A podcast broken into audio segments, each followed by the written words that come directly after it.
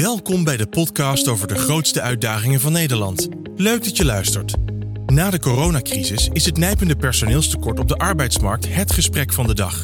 Zo kampt Schiphol al maanden met personeelsproblemen bij de bagageafhandeling en hebben verschillende sectoren veel meer moeite om geschikte werknemers te vinden. Hoe is dit personeelstekort precies ontstaan? En belangrijker, hoe kunnen we het weer oplossen? Hoofdeconoom Jan-Willem Veldhuizen en HR- en arbeidsmarktspecialist Bastiaan Staring van PwC proberen in deze podcast antwoorden te geven op die vragen. Dag Bastiaan. Jan-Willem, goedemiddag. Zo, terug van vakantie. Zeker, helemaal opgeladen. Helemaal Leuk om, opgeladen. eh, ja. En ben je via Schiphol gekomen? Nee, ik, eh, ik zag die, eh, die beelden vlak voor de vakantie. En toen dacht ik, eh, ik ben blij dat wij gewoon met de auto naar, naar Frankrijk gaan dit jaar. Dan hoef ik dat allemaal niet mee te maken. Ja. Ik weet niet wat je, wat je- hoe het jou vergaat, maar ik kijk naar al die borden over vacatures en, en, en arbeidsmarkttekort. eh, roep om meer werk en, enzovoort. In alle sectoren die je maar kunt voorstellen. Schiphol natuurlijk een prachtig voorbeeld. Ja. Hoe kan dat nou ineens? Waar komt dat ineens vandaan? Ja, dat, dat is inderdaad een, groot raadsel, lijkt het wel. Hè? Dus, dus een fenomeen wat we een jaar geleden of twee jaar geleden helemaal niet zagen. En in één keer, na de coronacrisis, is dat enorm aanwezig. En dan denk je natuurlijk in eerste instantie, dat komt door corona. Maar ik denk dat dat ook voor een groot deel helemaal niet zo is. En dat we misschien wel in een soort van perfect storm zitten... waar een heleboel elementen samenkomen. Belangrijk is denk ik de demografie. Hè? Dus we, we zien al 15 jaar eigenlijk, nou misschien al wel langer, maar minstens 15 jaar aankomen dat we echt wel op de piek van de vergrijzing zitten op dit moment. Hè? De babyboom generatie, grote groep, is echt wel met pensioen gegaan nu. Daar hebben we 15 jaar geleden goed op geanticipeerd met eh nou ja, FUT-regelingen afschaffen en langer doorwerken. Was allemaal voorzien. Maar nu het ook echt zover is, komen we er toch achter dat we er niet echt op geanticipeerd hebben. Dus er gaat een grote groep nu, is er die de arbeidsmarkt verlaat. Tegelijkertijd hebben we een hele grote groep mensen die veel in deeltijd werkt. Dus we hebben echt wel de potentie eh, om daar iets te vinden. Dus ik denk dat het een veelheid van factoren is. En ik heb er nu zo even twee genoemd, maar er, zijn er vast nog meer. Maar COVID heeft daar wel een rol in gespeeld, volgens mij. Hè? Want als je naar Schiphol kijkt en je kijkt naar die bagageafhandeling... En, en je vergelijkt het met een paar andere beroepen... waar we heel een schreeuwend tekort aan hebben gehad deze zomer. Dat zijn dan toch vaak ook beroepen die stil hebben gelegen... of die we stil hebben gelegd tijdens COVID.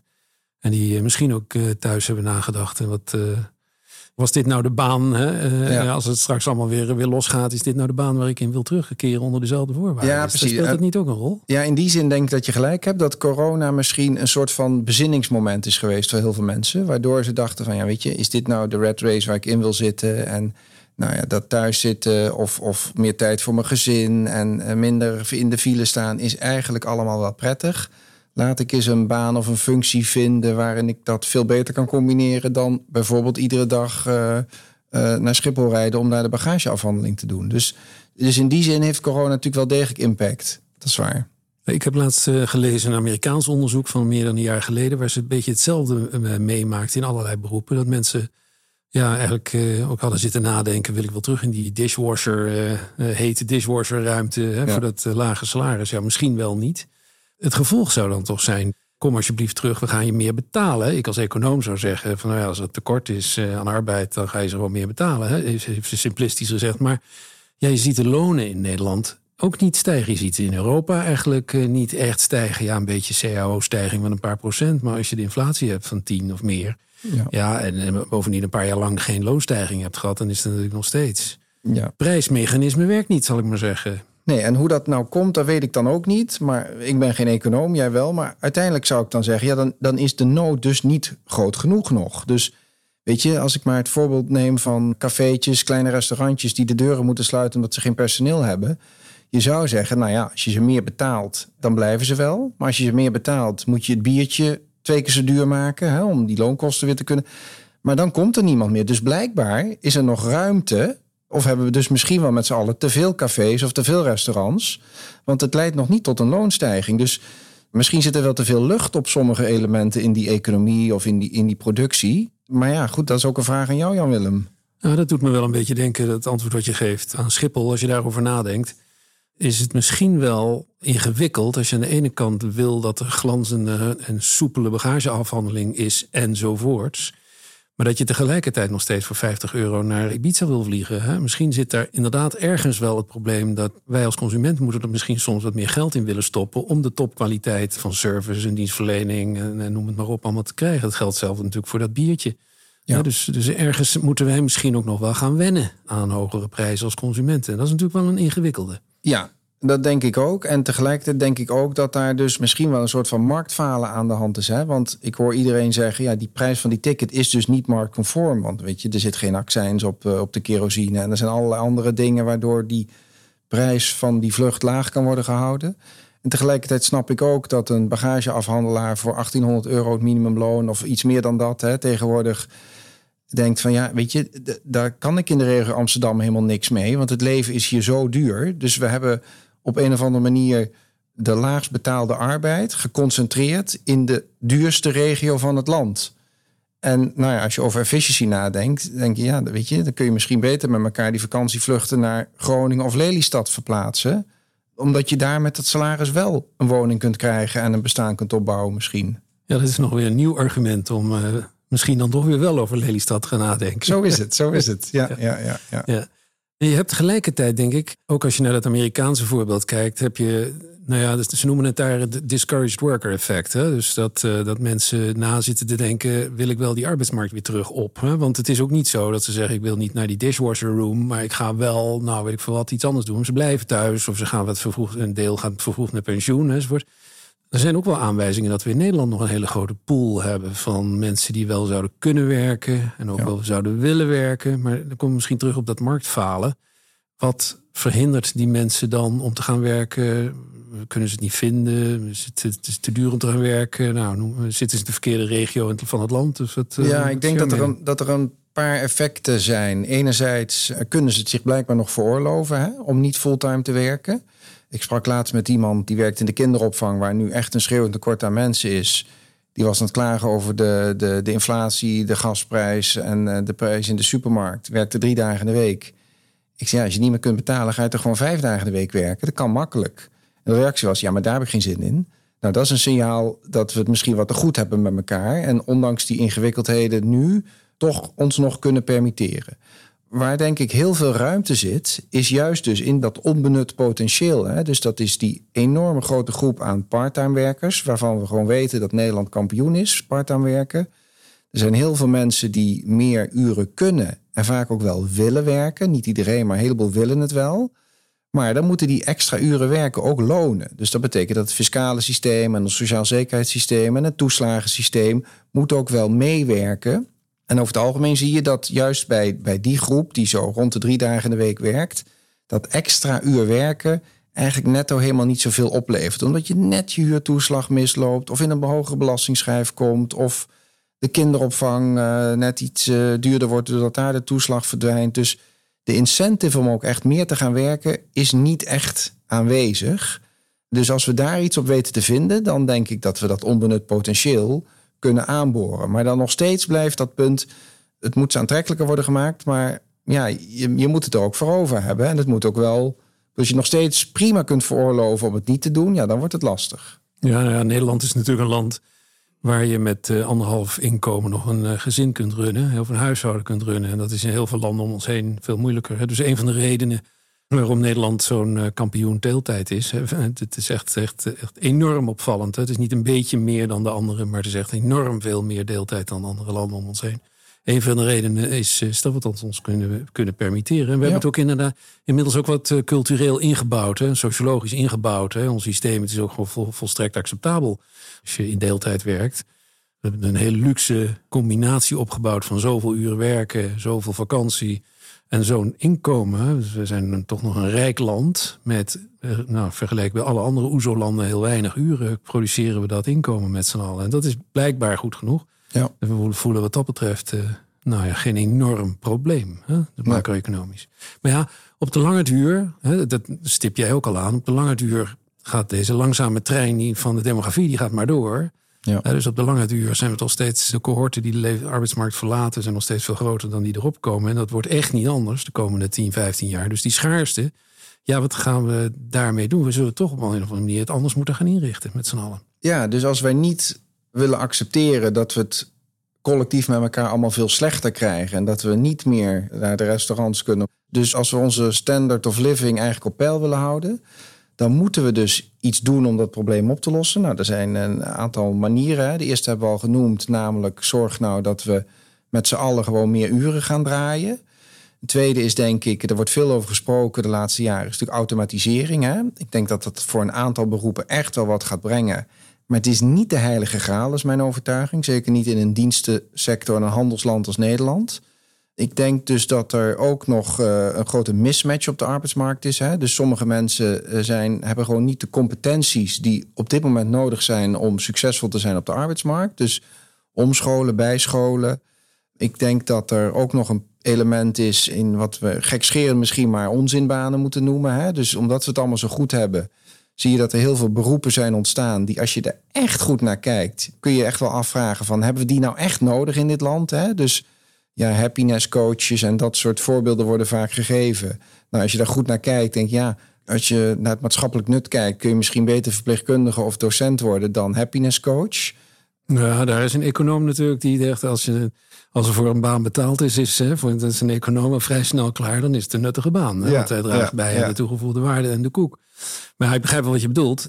Die pool van 1 miljoen mensen, die wellicht nog aan de kant staan en wel zouden kunnen werken, of misschien ook wel zouden moeten werken, die zitten hem ook wel in bepaalde segmenten. Dus eh, als je, als je naar die statistieken kijkt, dan waar, waar, wijken wij dan heel erg af ten opzichte van het buitenland? Nou, dan is het met migranten aan het werk helpen. Daar zijn wij minder goed in, bijvoorbeeld dan de Duitsers. Als je kijkt naar 55-plussers aan het werk helpen, met name vrouwen, dan zijn we daar minder goed in dan de hele wereld, zal ik maar zeggen. Ja. Het zit hem ook wel in bepaalde segmenten. Dan heb je nog die mismatch hè, tussen. Ja beroepen waar je toch iets van digitalisering moet kunnen toepassen. En hoe goed zijn we daar met z'n allen in opgeleid. Dus je zou best gericht daarmee aan de slag kunnen gaan, toch? Ja, en ik denk ook dat je dat dus moet doen. Hè? Dus de, de, de, de voorbeelden die jij noemt. Kijk, een van de punten is natuurlijk een van de oplossingen. We zien nu uh, grote migratiestroom naar Nederland toekomen. Enerzijds kun je zeggen, nou dat is hartstikke mooi, want dat, is, dat, is al, dat zijn veel jonge mensen. Hè? Kijk maar naar het nieuws, de apen, er zitten heel veel jonge mensen bij die hebben we echt wel nodig in Nederland. Maar dan moet het systeem er ook wel op zijn ingericht. Die mensen moeten heel snel kunnen werken. Hè? Dus vergunningen. Je ziet dus dat het bij mensen uit Oekraïne die snel een vergunning kunnen krijgen, veel beter werkt om ze aan het werk te krijgen dan bij, bij mensen die uit andere landen komen. Dus er zit een systeemfout, een juridische eh, fout in. Tegelijkertijd moeten we wel huisvesting hebben. Nou, dat, we weten hoe groot probleem dat is in verband met die stikstofcrisis en überhaupt het tekort in de bouwsector. En het helpt gewoon als mensen heel snel de taal spreken. Dus als we in zouden zetten, ben ik echt van overtuigd, misschien wel zoals Duitsland dat doet, is snel een huis, snel de taal leren en zorgen dat ze makkelijk qua vergunning en zo aan het werk komen, denk ik dat je een heel groot deel van beide problemen kunt oplossen. Daar gaat het mes aan twee kanten snijden. Er is een grote groep arbeidspotentieel, gewoon mensen die kunnen werken. En tegelijkertijd bespoedigt het de integratie en het opnemen van deze groep in onze samenleving. Maar mag ik dan nog, toch nog even terugkomen als econoom op dat salaris, hè, dat loon? Ik begrijp best dat, hè, dus eh, dat, ben ik ook met je eens, dat, we, dat er allerlei specifieke groepen aan het werk zouden kunnen worden geholpen op een wat betere manier. Kijk maar naar het buitenland. Als we willen leren hoe dat kan, we hoeven maar over de grens te kijken. En we zien op een aantal van die punten dat dat, eh, dat, dat zou moeten kunnen. Maar toch, hè, we, we zitten natuurlijk een beetje ingebakken in dat mooie leven van niet zo verschrikkelijk veel werken wel lange vakanties hebben en toch een hoog, hele hoge productiviteit. Hè. Wat, nou, wat wil je nog meer, zal ik maar zeggen? een econoom zal zeggen, je, wil, je zou dat willen aanpassen, omdat je eigenlijk wel, dat als je, als je werkt, dan leidt dat tot welbevinden. Hè. Als je deelneemt aan het arbeidsproces, dan is dat goed. Dus dat is alleen al een argument waarom, economisch argument waarom meer mensen zouden moeten gaan werken. En het tweede argument is natuurlijk gewoon dat. Ehm, ja, je productiviteitsgroei, die in Nederland al zo laag is. We hebben de laagste productiviteitsgroei van alle landen om ons heen, zo'n beetje. Ja, daar zou je toch misschien ook wat aan moeten doen. Hè? Want anders loop je ook tegen van hoe ga je dan de energietransitie betalen? Hoe ga je de, nou ja, de, de, de andere uitdagingen, dus het stikstofproblemen oplossen? Hè? De, de, Hoe ga je wat doen aan, de, aan, aan verbetering van het onderwijs? Verbetering en herstel van de zorg. De grote maatschappelijke problemen, daar heb je toch nog een iets grotere koek voor nodig. En dus alle talenten en dus alle toegevoegde waarde. Dus, dus, dus kortom, er is toch wel een probleem. Kortom, loon. Los je gelijk het inkomensverdelingsprobleem op. Huppakee, loon. Ja, ik snap dat. Maar tegelijkertijd is mijn vraag aan jou: als nou morgen iedereen 20% meer betaald zou krijgen, er komt geen mens meer op die arbeidsmarkt daardoor. wat is dan de oplossing van dat hogere loon? Jij zegt zelf, uh, arbeid moet weer gaan lonen. Ja, dat, dat. Dus het verhogen van de lonen draagt bij aan het benutten van dat onbenut potentieel eigenlijk. Dat is dan het effect, hè? maar de grote groep die al werkt, die wordt er in ieder geval niet groter van. Nee, maar je trekt juist die marginale hè, mensen die net twijfelen: zal ik wel of niet gaan werken? Hè? Ja, die, trek je over de streep. De thuiszorg, het voorbeeld wat jij noemde. Ja, die trek je dan misschien toch die arbeidsmarkt op voor een dag per week meer werken. En dat, is, dat is goed van de engagement van die persoon in het maatschappelijk verkeer. Is goed voor de toegevoegde waarde van de nationale economie. Het is goed voor de dienstverlening van de sector waarin die persoon werkt. En de koek wordt groter in nationaal. Dus wat is daar het probleem van?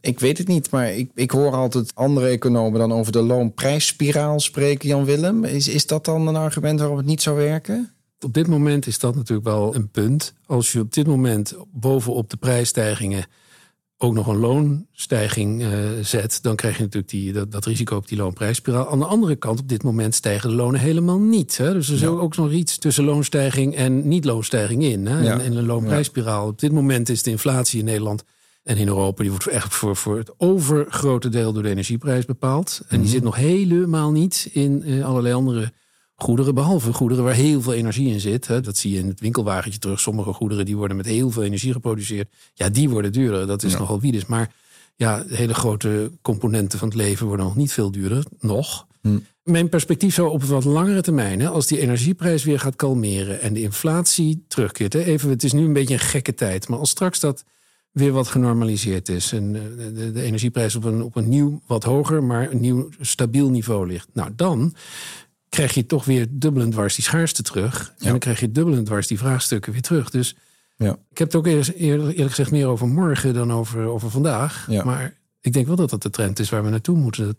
Maar daar komt dan het probleem bij dat je, wat we eerder ook al aanstipten, dat je toch eigenlijk ook van consumenten moet gaan vragen: betaal iets meer voor ja. Nou ja, die service. Hè. Dus nu betalen we heel veel voor de healing, uh, voor een healing, mevrouw of meneer.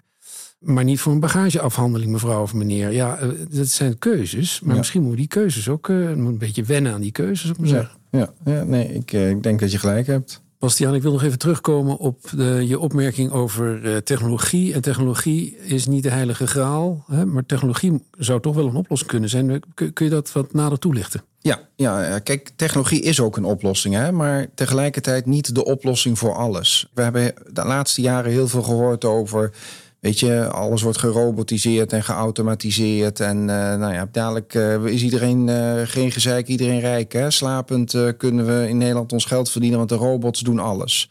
Nou, daar geloof ik echt niet in. Hè? Dus die dingen gaan ook veel langzamer dan we vaak denken. Al is het ook maar omdat we met heel veel dilemma's te maken hebben en we ook niet echt keuzes durven te maken. Dus enerzijds zien we met exoskeletten dat het werk van een bouwvakker makkelijker te doen is en daardoor houdt hij het langer vol. Dat zijn natuurlijk perfecte vormen van automatisering. Ik heb ook al voorbeelden gezien van, uh, nou ja, maar je merkt het misschien zelf als je in een restaurant of uh, op een terras zit. Scan je met de QR-code, krijg je het menu, je bestelt gewoon je drankjes zodat er alleen nog maar iemand iets hoeft te komen brengen. In plaats van dat hij ook nog de bestelling op moet nemen. Dus nou ja, met de helft van de mensen kun je dan het werk doen. Hè? Dus dat soort dingen zie ik echt wel gebeuren in de zorg ook. Maar tegelijkertijd zie je bijvoorbeeld in de publieke sector, door de toeslagenaffaire en allerlei andere affaires, waardoor je eigenlijk ziet dat de menselijke maat naar de achtergrond is verdreven. Hè? Daar zie je nu dus ook de roep vanuit de maatschappij en de politiek. Ja, die menselijke maat moet weer terug. Dus als ik als burger met de overheid te maken heb, met het UWV of de Belastingdienst of de Sociale Verzekeringsbank eh, of de gemeente, noem maar op. Ja, dan wil ik graag dat er iemand aan het loket zit en dat een mens van vlees en bloed de telefoon opneemt. Maar eigenlijk kunnen die dingen niet samen. Je kunt niet in een krimpende arbeidsmarkt zeggen van de menselijke maat moet weer terug, want die mensen zijn er niet. Dus ik denk toch dat de chatbot, uh, Jan Willem, hoe onpersoonlijk misschien ook, dat we die zo goed moeten maken dat je eigenlijk niet meer hoort dat het een robot is. Maar daar zal toch echt een deel van de oplossing vandaan moeten komen. Want alles gewoon weer door mensen laten doen. Weet je, al zouden we het misschien willen, ze zijn er gewoon niet. Dus het is niet alleen een kans, het is ook gewoon een noodzaak om verder te investeren in technologie. Maar het gaat niet alles oplossen. We moeten ook nog aan die andere dingen blijven denken. Je hebt in de economie heb je dat dilemma: is, uh, is technologie nou arbeidsbesparend of, is het nou, uh, of creëert het nou op de lange termijn nieuwe banen? En we vonden dat altijd eigenlijk een optimistisch geluid. Hè? Nee hoor, technologie pakt niet je baan af, wees gerust. Het creëert alleen maar nieuwe banen netto. Hè? Je hoeft, uh, wellicht met wat omscholing kan jij zelfs profiteren van het feit dat er nieuwe banen zijn. Hè? Dat vonden we toen een optimistisch geluid. Maar nu draait dat eigenlijk om naar een uh, bijna een pessimistisch geluid. Hè? Als je meer technologie hebt, uh, dat wil je juist arbeidsbesparend hebben. En dat is natuurlijk in een diensteconomie ingewikkeld. Hè? Dat voorbeeld wat je ja. noemt van, die, ja. van dat restaurant. Ja, dat, zijn, dat is dan nog een mooi voorbeeld. Maar veel verder ga je, kun je niet komen. Hè? Dus, dus, dus uiteindelijk heb je mensen nodig om te produceren. Je kunt niet eh, alleen maar met robots te, te werk nemen. Nou, Bastiaan, we hebben verschillende aspecten besproken van de arbeidsmarkt. En de arbeidsmarkt kort op dit moment is een veelkoppige draak, een veelkoppig ja. monster. Dat wil dan ook zeggen, volgens de wet van Timbergen, dat je ook meerdere oplossingen nodig hebt om de meer, meerdere koppen van de draak te, te, te benaderen. Wat zijn nou wat jou betreft eh, de oplossingen? Ik denk uh, dat dat er uh, sowieso een aantal zijn. De meest voor de hand liggende is, hebben we al besproken, we moeten gewoon met z'n allen meer gaan werken. Dus het gemiddeld aantal uren dat iemand in Nederland werkt, moet omhoog. Dat is een relatieve quick win, zullen we maar zeggen. Hè? Dus daar, daar zit gewoon onbenut potentieel. Het tweede is uh, dat we groepen met een afstand tot de arbeidsmarkt dichter naar de arbeidsmarkt toe moeten halen. Dus mensen met een, met een handicap, met een uh, taalachterstand, met uh, nou, wat voor reden dan ook waarvoor het moeilijker en minder vanzelfsprekend is om in dat keurslijf te passen. Die moeten we echt helpen en dan moeten we naar, naar op zoek gaan en dat ook accommoderen. Ik denk de derde is, waar jij echt een pleidooi voor hebt gehouden, is we moeten meer gaan betalen. Hè? Zeker in, in echte schaarse hoeken. De wet van vraag en aanbod moet daar gewoon gaan gelden. De vierde is denk ik dat we juist mensen ook op de juiste plek moeten krijgen. Hè? Dus ofwel geografisch. Dus uh, het werk is in de Randstad en de mensen wonen in het oosten van het land. Is niet zo, hè? maar als voorbeeld. Maar dat kan ook te maken hebben met een mismatch in skills. Hè? Dus, dus mensen kunnen niet of, of doen niet of zijn niet gespecialiseerd in de dingen die we echt nodig hebben op dit moment. Een mooi voorbeeld is, door de energietransitie uh, moet je van mechanicien elektricien worden. Nou ja, dat, daar moeten we in investeren. De vijfde oplossing is denk ik toch automatisering. Voorbeelden hebben we genoemd. Hè. Daar is echt nog heel veel te winnen. Om met, uh, nou, met minder mensen toch hetzelfde werk te kunnen doen. En de laatste is denk ik, ondanks dat die niet overal populair is, is toch gewoon de migratie niet alleen omarmen, maar ook gewoon goed kanaliseren. Door huisvesting, taalonderwijs, makkelijke toegang tot, tot banen en de arbeidsmarkt. En dan heb je denk ik zes oplossingen te pakken die in meer of mindere mate gaan bijdragen, maar niet allemaal op vandaag of morgen ook echt snel ingevoerd kunnen worden. Je zou kunnen motiveren dat dit echte oplossingen zijn, alleen al om, door te kijken naar het buitenland. Hè? Want er zijn landen om ons heen. Hè? Als, je, als je niet gelooft dat dat in de Nederlandse context eh, werkt, kijk naar de landen om ons heen. En dan zie je dat op al deze individuele punten die jij noemt, eh, op, opvallend genoeg, dat er landen zijn die dat echt een stuk beter doen dan wij. Hè? We hebben een paar voorbeelden genoemd. Maar als je nou een hele quick fix uh, zou willen, want we hebben nu een acuut probleem. Hè? Ja. Uh, weet ja. niet hoe lang het gaat duren, maar het is nu even een acuut probleem. Het is erger dan het een jaar geleden was en, en zo. Wat zou nou een korte termijn oplossing zijn? Nou, laat ik één voorbeeld noemen. Ik begon met te zeggen uh, meer werken. Hè? Dus uh, het verhogen van de parttime gaat is een van de oplossingen. Nou, dat, dat moeten we doen door, door uh, dat aantrekkelijker te maken, het fiscale stelsel aanpakken. Maar dat, dat is niet van vandaag of morgen geregeld. Maar ik heb voorbeelden gezien, bijvoorbeeld in de zorg, waar, waar afdelingsmanagers, teamleiders actief het gesprek aangingen met verpleegkundigen. Waarin werd gezegd van, nou ja, weet je, je bent nu, weet ik veel, 50, je hebt de kinderen de deur uit, uh, je hebt geen mantelzorgverplichtingen. Zou je het niet leuk vinden om een dag in de week meer te gaan werken? En dat daar opvallend genoeg heel positief op werd gereageerd. En dat mensen zeiden van, nou ja, het is leuk dat je het vraagt. Ik heb er nog niet over nagedacht, maar ik vind het eigenlijk best een goed idee. Dus een belangrijke quick win of oplossing voor nu is: maak het gewoon bespreekbaar. Ga met je mensen het gesprek aan. En vraag gewoon: heb je zin om meer te werken? En ik denk dat daar al best wel wat te winnen is. Laatste vraag wellicht. Um, als je nou een ondernemer bent, heb je een tip voor me? Ik denk het wel. Kijk, ondernemers die zijn natuurlijk altijd die zijn in die war for talent. Hè? Dus die race op de arbeidsmarkt wil je natuurlijk de winnaar zijn en het juiste talent weten aan te trekken, maar ook vooral te behouden. Dat is heel belangrijk. En dat is toch een verdeling van schaarste. Hè? Maar uiteindelijk is degene die het best in staat is om dat talent aan te trekken en te behouden, die is de winnaar. Want die krijgt die gewilde werknemer wel en de concurrent krijgt hem niet. Daar moet je een paar dingen voor doen. De eerste is, je moet heel goed nadenken over de vraag welke mensen met welke competenties heb ik nou waar in mijn organisatie nodig. Dus heel goed nadenken over de mensen die je zoekt, waar je die nodig hebt, et cetera. En daarna moet je je de vraag gaan stellen: wat moet ik die mensen eigenlijk bieden waarom ze voor mij willen werken en niet voor de concurrent?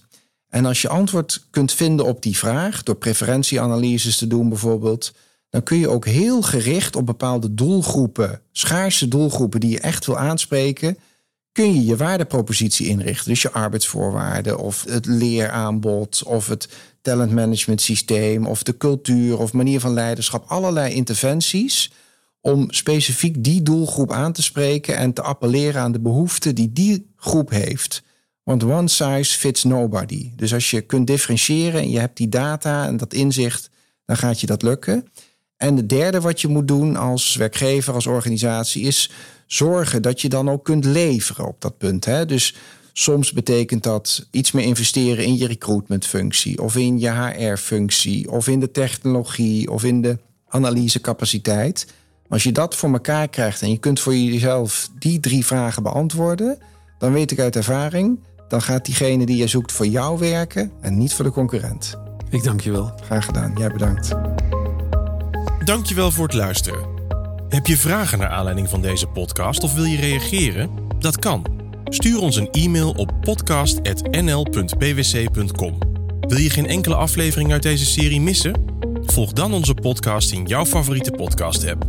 Voor nu, dank voor het luisteren en tot een volgende keer.